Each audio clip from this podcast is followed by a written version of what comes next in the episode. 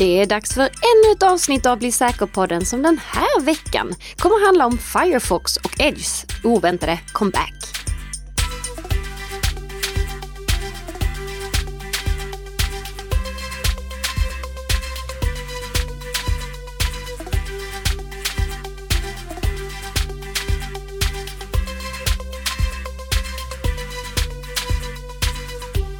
Goder morgon! God morgon, god morgon Tess! Nästan, det var nästan som en liten trudelutt Annika. Det var eh, lite så här eh, sångstämning, men vi har ju sjungit så mycket innan vi började spela in så jag tänkte hoppa över det För nu. spara på... Eh, Spara på sångrösterna. Precis, exakt. Eh, hoppas även att det är bra eh, med dig som eh, lyssnar på den här podden som är i samarbete mellan Nika Systems och eh, Bredband2. Just det. Ja, det har ju hänt otroligt mycket de senaste dagarna va? Vi hade kunnat ha ett rent nyhetsavsnitt faktiskt. Mm. Så vi har fått välja våra, eh, våra snabbisar med, eh, med omsorg.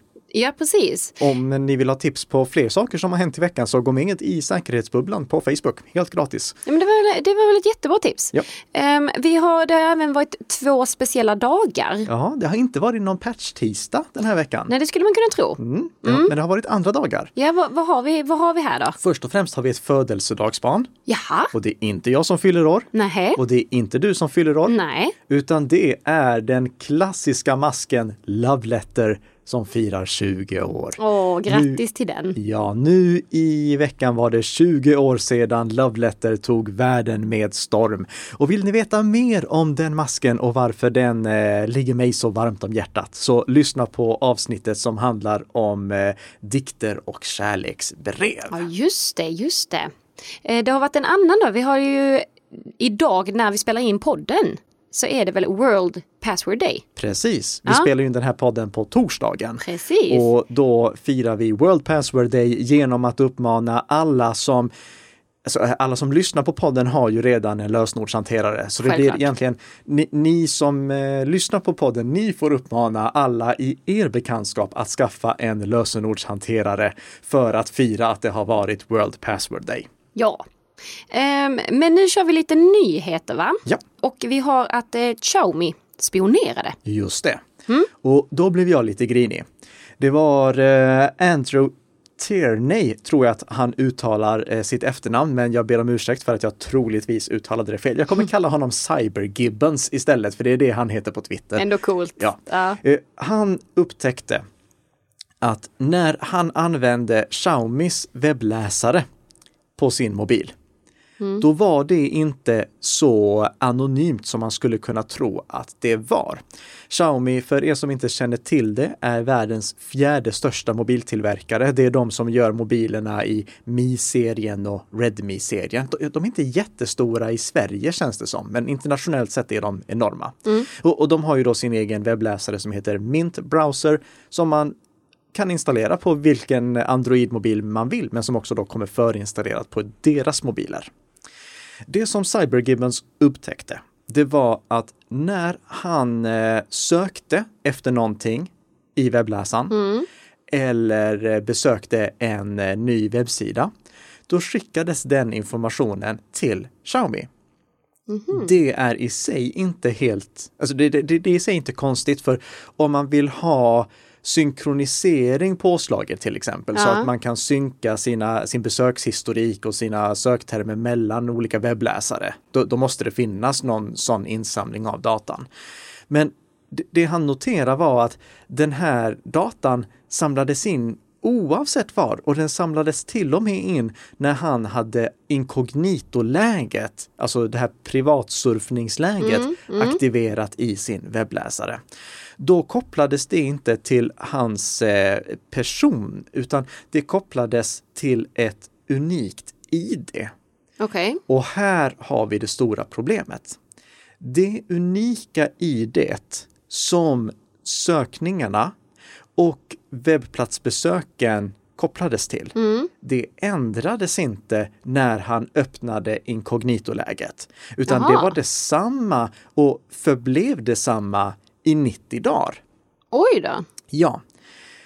Och även om det inte fanns någon direkt koppling mellan honom som person och det här idet så är 90 dagar med sökhistorik och eh, webbplatsbesök inga problem att använda för att lista ut vem som är personen bakom. Så det som eh, Xiaomi kallade att vara aggregerad statistikdata var i själva verket persondata. Alltså om jag får se alla webbplatser du besöker och alla söktermer som du eh, söker efter under 90 dagar, då kan jag lista ut att det är du. För ditt, eh, ditt användarnamn kan till exempel finnas med i en webbplatsadress som du besöker. Och då vet jag direkt att du är du. Precis. Så det var inte speciellt snyggt. Nej. Efter att eh, Forbes uppmärksammade det här så eh, gick eh, Xiaomi ut med en uppdatering eh, till sin webbläsare där de nu låter den stänga av den här insamlingen av datan i inkognitoläget. Jag har en bättre uppmaning. Okej, Använd inte Xiaomis webbläsare. Så, och då var det klart. ja. Eh, du, du är färdig, färdig med denna nyhet nu. Jag lämnar över till dig. Du lämnar hand. över till mig. Eh, låt oss fortsätta lite på det här med datainsamling och sådär. Eh, denna nyheten eh, fortsätter på förrförra avsnittet egentligen då när vi pratade om att eh, spåra corona Ja. eh, med appar och sådär. Men innan vi egentligen glider in på själva nyheten så vill vi poängtera att det här har ingenting med liksom Googles och Apples tekniska lösning att göra. Nej, Det som jag kommer det, säga som nu. du kommer säga nu. Precis. Eh, det är nämligen så att eh, den brittiska appen Covid eh, Symptom Tracker har lanserats i Sverige efter att den redan använts i Storbritannien och USA. Eh, syftet är att genom datainsamling förmedla hur viruset sprids och är enligt Lunds universitet en del av ett forskningsprojekt. Användarna av appen uppmanas att lägga till personlig information som liksom födelseår, eh, vikt, vi har längd och postkod, men också besvara frågor om hälsa och eventuella symptom. Um, statsepidemiologen Anders Tegnell, han är inte riktigt positiv till den här lanseringen och överlag till liksom appar och coronaappar helt enkelt. Eh, han säger att eh, jag vet inte vilket mervärde det skulle kunna ge oss för hur spridningen ser ut. Vi har bra data på plats, gör egna undersökningar med provtagningar och stora studier med slumpmässigt utvalda delar av befolkningen. Det är mer representativt än en undersökning som bygger på testpersoner som frivilligt deltar. Han säger också att vi kan tänka oss att använda en sådan när vi får mindre smittspridning och vi har erfarenhet från andra länder hur man kalibrerar en sådan app så att den är tekniskt eh, träffsäker. N- när jag sa att jag verkligen gillar det som Apple och Google har gjort, så är det för att de har gjort en fantastisk, tech, eh, en fantastisk teknisk lösning för att vi ska kunna spåra eh, ett eh, utbrott som corona. Mm. Men huruvida den spårningsdatan är användbar, det, det har jag ju ingen aning om. Nej, Så jag säger bara precis. att eh, Apple och Google har gjort hands down den bästa lösningen som tekniken kan uppbringa. Mm. Eh, och om det är tillräckligt bra eller om det är någonting som sjukvården har nytta av, ingen aning. Nej, det får, det får framtiden utvisa lite här. Ja. Ja. Och då är det dags att prata om veckans huvudämne som handlar om eh, Firefox och Edges oväntade comeback. Ja. Jag hade ju inte trott att jag skulle sitta så pass mycket i Firefox och Edge som jag gör idag. Nähä? Jag, jag har börjat använda dem mycket, mycket mer. Nej, Jo, är du otrogen mot Ja. Chrome? ja, och det är för att jag tror det är dags att revidera det som jag sa för ett år sedan när vi också pratade om webbläsare. Ja, just det. Eh, Och det är inte så konstigt för det har gått ett år. Och det har hänt väldigt mycket. Eh, Jag, ska återkomma till det alldeles strax, men först och främst så skulle jag bara vilja att vi funderar över vilken otroligt viktig funktion webbläsaren har idag. För webbläsaren har gått och blivit ett operativsystem och det, det, alltså, det har blivit typ ett säkrare operativsystem också än eh, Windows och MacOS i sig. Jag, jag, jag, jag ska förklara vad det är jag menar. Eh, Ungefär en gång i månaden så pratar vi om uppdateringar som har kommit till Microsofts operativsystem. Vi Du tänker så här patch-tisdag och Precis, så? vi lägger stor fokus på det. Eh, När Apple släpper uppdateringar till MacOS, då lägger vi stor fokus på att prata om det. Google och Mozilla och de andra webbläsartillverkarna de släpper ännu oftare säkerhetsuppdateringar och åtgärdar allvarliga säkerhetsbrister som har upptäckts i webbläsarna. Mm. Men det pratar vi sällan om. Nej, Varför gör vi inte det? kan det ha att göra med att vi får automatiska uppdateringar? Precis. Alla moderna webbläsare uppdateras helt och hållet automatiskt utan att vi användare behöver göra annat än att starta om webbläsaren när vi uppmanas att göra det. Och allt fler applikationer kör vi dessutom i webbläsaren. Det är det jag menar att det har blivit lite ett eget operativsystem. Vi kan köra Teams i webbläsaren, vi kan köra Slack i webbläsaren, vi kan köra Spotify i webbläsaren.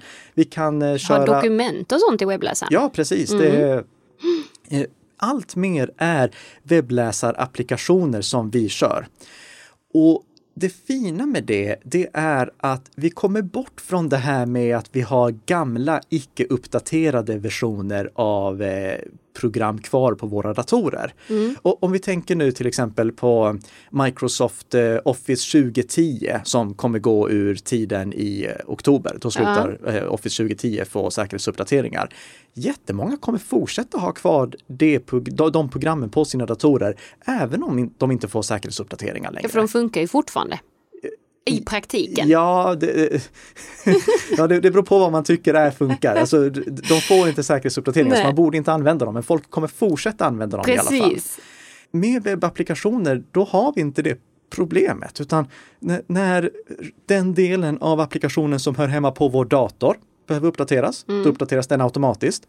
Och om det gör att någonting slutar funka hos till exempel Microsoft eller Google som tillhandahåller de webbaserade versionerna av Office och eh, G Suite, Ja, då är det upp till Microsoft och Google att fixa det. Det är inte vi användare som behöver göra det, utan det är upp till apputvecklarna, webbapplikationsutvecklarna att hålla god takt med eh, webbstandarderna och webbläsarnas framsteg och deras framgång och deras utveckling.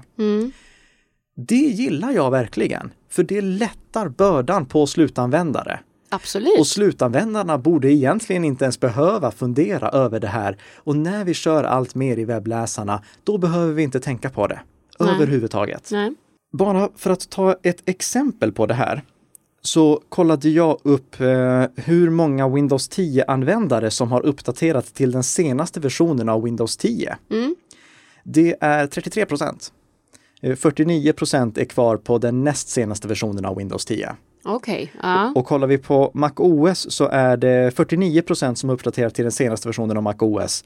Eh, 21 procent som ligger kvar på den näst senaste. Mm, mm. Nu ska det tilläggas att den senaste versionen av Mac OS har varit eh, ute nästan dubbelt så länge som den senaste versionen av Windows. Ah, okej. eh, eh, ändå. Och dessutom, det, det här var internationella siffror. Vi i Sverige är lite bättre på att uppdatera till de senaste versionerna.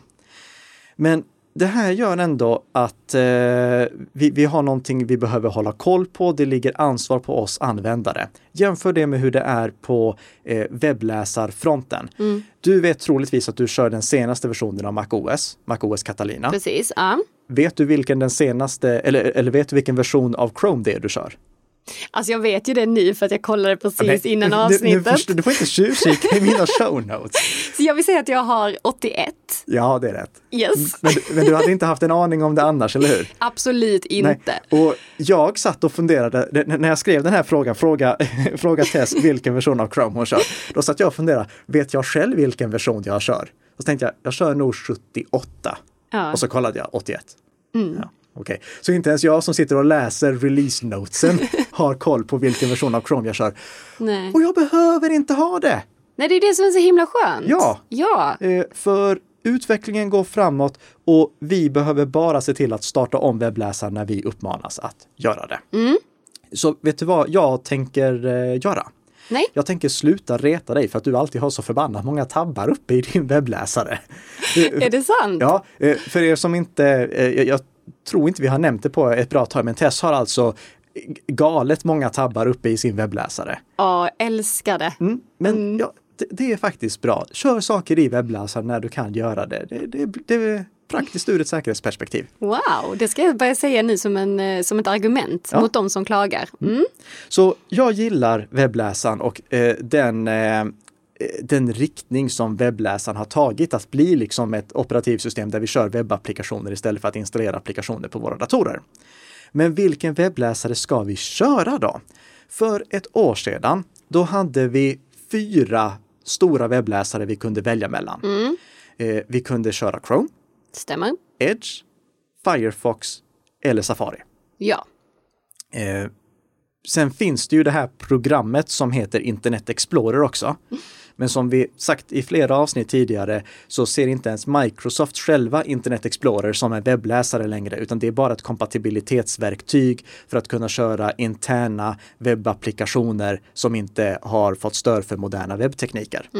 Eh, Så man får aldrig använda Internet Explorer för att surfa på nätet idag. Nej. Det är absolut inte okej att eh, liksom, eh, besöka eh, Nika Systems webbplats eller Bredband2s webbplats i Internet Explorer. Utan då ska man ha en webbläsare, en riktig webbläsare, inte ett kompatibilitetsverktyg. Så vi, vi kommer eh, alltså eh, nu prata snarare om de här andra fyra största? Eller? Ja, men sen eh, vi pratade om det här senast, alltså för ett år sedan, Mm. då har vi faktiskt fått förändring. Nu har vi bara tre webbläsare. Jaha. Vi har Chrome, Mm. Firefox och Safari. Och vad händer med Edge? Det är din Edge, eh, favorit nu ju. Ja, men Edge är eh, på sätt och vis borta. Eh, I alla fall i grund och botten. För sen vi eh, pratade senast, då har ju Microsoft lagt ner sin egen Edge-webbläsare och istället tagit Chrome, alltså Chromium-grunden. Eh, Okej. Chromium är basen som Chrome sen bygger på. Tagit Chromium-grunden som Google utvecklat och gjort sin Microsoft-fierade version av Chrome. Så Edge idag med den här nya, betydligt snyggare loggan jämfört med den som såg ut som en dålig karikatyr av Sonic the Hedgehog. Eh, jag kan lägga med länkar så ni ser vad jag menar i våra show notes. Eh, den är bara Chrome i annan kostym. Så Credge. Credge, precis. Eh, De borde kallat den Credge, eh, men det hade troligtvis inte slagit sådär jättestort. Nej. Så eh, Edge är numera bara en variant av Chrome. Och samma sak gäller många andra webbläsare, till exempel Opera. Eh, Opera, det är bara en, eh, en Chrome-webbläsare i Operas kostym. Och de har lagt till lite bonusfunktioner. Eh, De har till exempel i sin gamingversion av Opera gjort att man kan anpassa hur mycket ramminne, alltså hur mycket arbetsminne som eh, webbläsaren ska få ta i anspråk. Så om, om man vill eh, lämna mycket ramminne över till spel och liknande, då kan man minska mängden ramminne som Chrome, eh, ja, ja Chrome, men eh, Operas version av Chrome tar i anspråk. Ja. Jag hade överlag inte rekommenderat det för våra operativsystem är ganska bra på att fixa det själva. Men om man vill tweaka det så kan man göra det. Det kommer bara leda till att eh, webbsidor behöver laddas om oftare ifall man ställer ner eh, maxmängden. Eh, Brave är ett annat exempel. Det är också bara Chrome i annan kostym. Brave har lagt till sina egna funktioner för annonsblockering och liknande. Men det är Chrome i grund och botten. Okej. Så det vi har, det är alltså Chrome, Firefox och Safari. Internet Explorer räknas inte. Och om vi kollar på Windows-fronten, Ja. då har vi bara Chrome och Firefox. För Apple har ju inte släppt nya versioner av Safari till Windows på flera år. Så vi har två webbläsare. Mhm. Eh, och det har både sina för och nackdelar. En stor fördel med att eh, Microsoft har hoppat på Chrome-spåret, det är att Chromium-projektet nu har två av världens stora IT-giganter som jobbar med det. Både Google och Microsoft sitter och jobbar och utvecklar Chromium-grunden för att göra den absolut bästa webbläsaren som finns. Och tänk dig liksom att ha den kompetensen som Google och Microsofts utvecklare sitter på och de tillsammans driver det här projektet vidare. Men vad händer med Safari då? Då kommer ju de... Eh, Eh, ja, Safari har Apples utvecklare. ja. Mm, det, eh, och de eh, jobbar ju vidare på, på sitt spår. ja, men precis. Mm. Och sen så har Mozilla, de som utvecklar Firefox, sina utvecklare. Eh, Men de är ju inte, det, det, det är inte lika många organisationer som sluter upp bakom eh, Mozillas utvecklare och bakom Apples utvecklare som nu är bakom Chromium-projektet. Så Chromium håller på att bli ja, eh, webbläsaren. Okej. Och fördelarna med det här är att vi kommer få se nya funktioner som tillkommer i högre takt. Men det här har också en stor nackdel. Om vi nu bara har kvar två stycken webbläsare på Windows-plattformen som är den överlägset största eh, desktop, alltså skrivbordsplattformen. Eh, eh. Ja. Chrome och Firefox.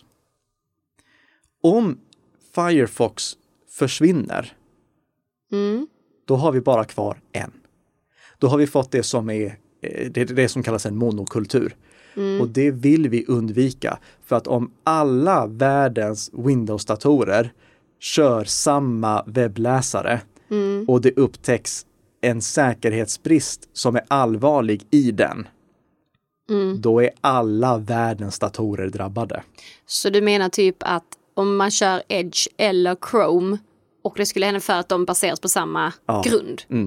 och det skulle hända någonting så kommer det Då liksom få ligger vi risigt till. Så vi vill inte ha en eh, monokultur. Vi vill ha ett utbud av olika webbläsare. Ja, så hur går det för Firefox då? Eh, när vi pratade senast, då hade Firefox börjat repa sig. Eh, jag hade lämnat Firefox efter att Firefox hade blivit i princip utskrattad. Till exempel som jag berättade då eh, i den här eh, säkerhetstävlingen Pwn to Own Just det. så fick Firefox inte ens vara med 2016 för att det var för lätt att hitta säkerhetsbrister i den. Sen dess har Firefox och alltså Mozilla som ligger bakom Firefox gjort ett fantastiskt jobb.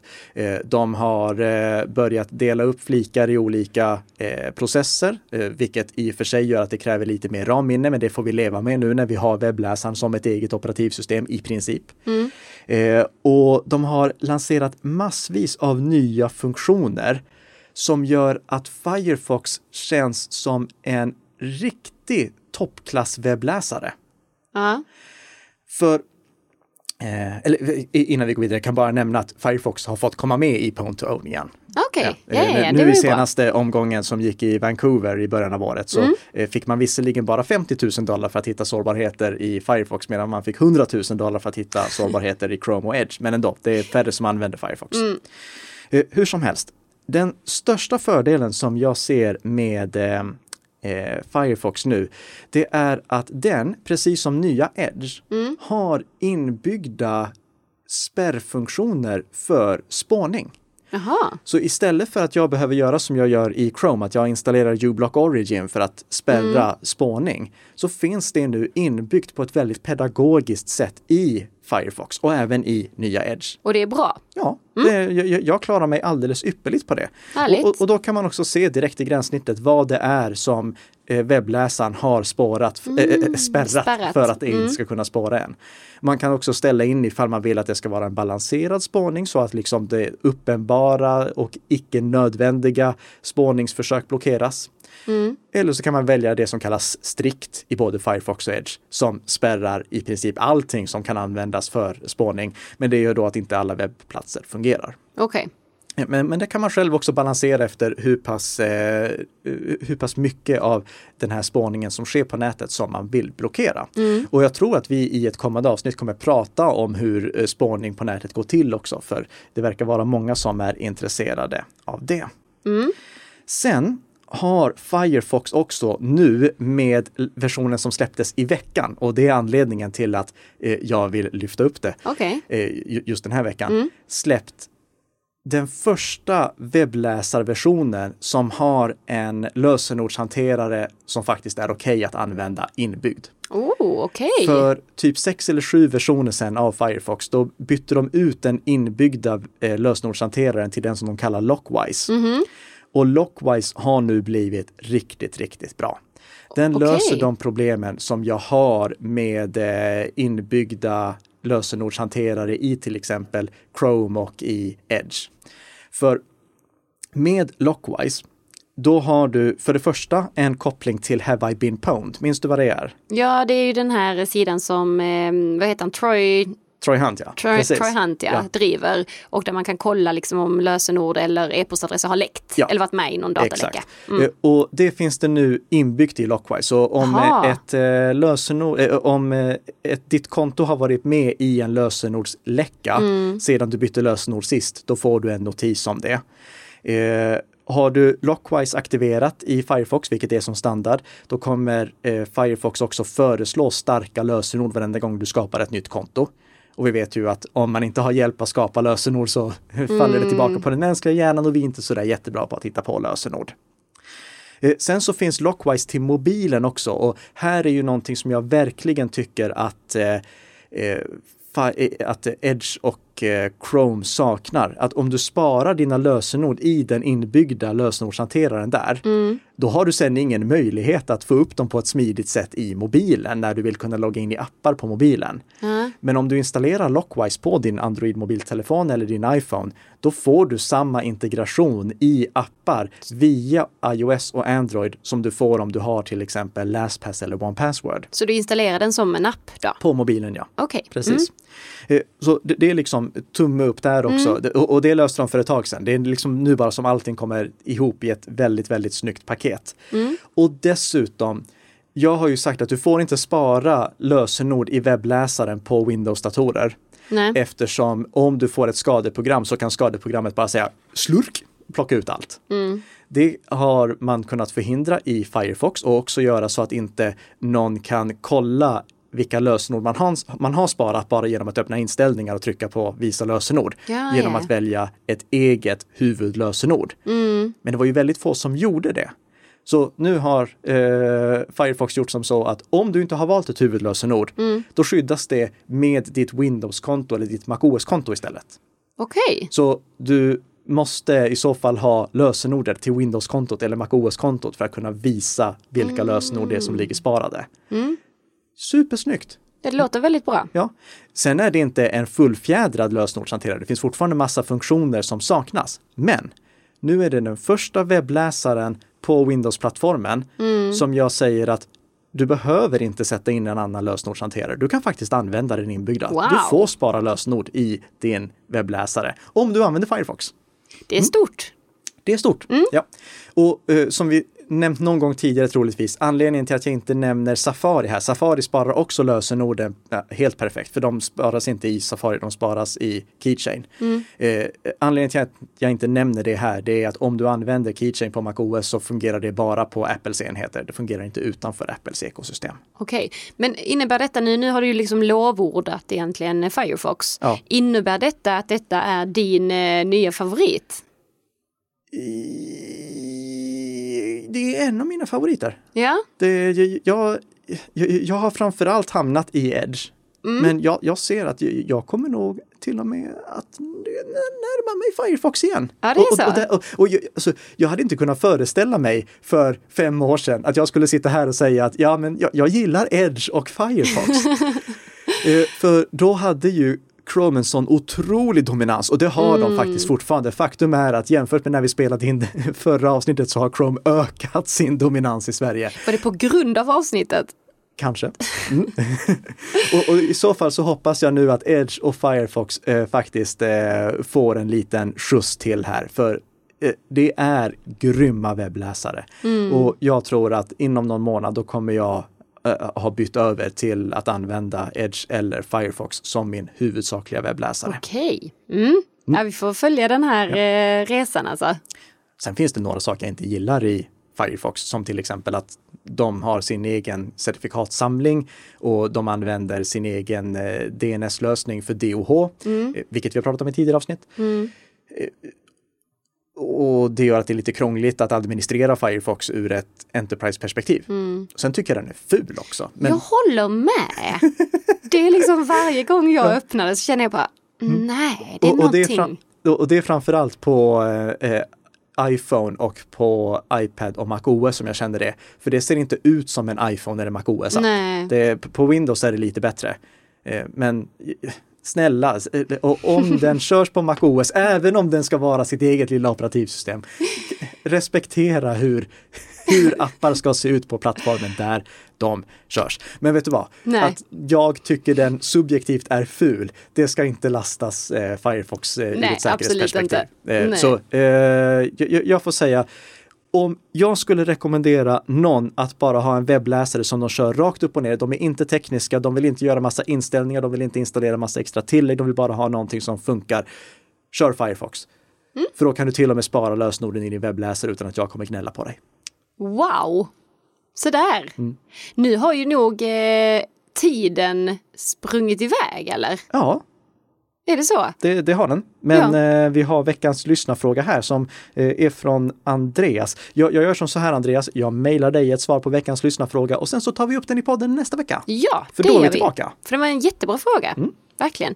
Eh, och eh, då tackar vi för denna gången och eh, önskar dig som lyssnar på den här podden en riktigt härlig helg. Mm. Och eh, tipsa gärna om, om podden om du gillar den och prenumerera framförallt. Och lämna recensioner, vilket jag såg att, eh, vi ska säga här, Vincent har gjort. Just och, och, och jag måste ja. bara eh, poängtera att det, det som Vincent eh, anmärkte på i sin recension av podden på Apple Podcaster, det är att vi pratar för lite om Signal.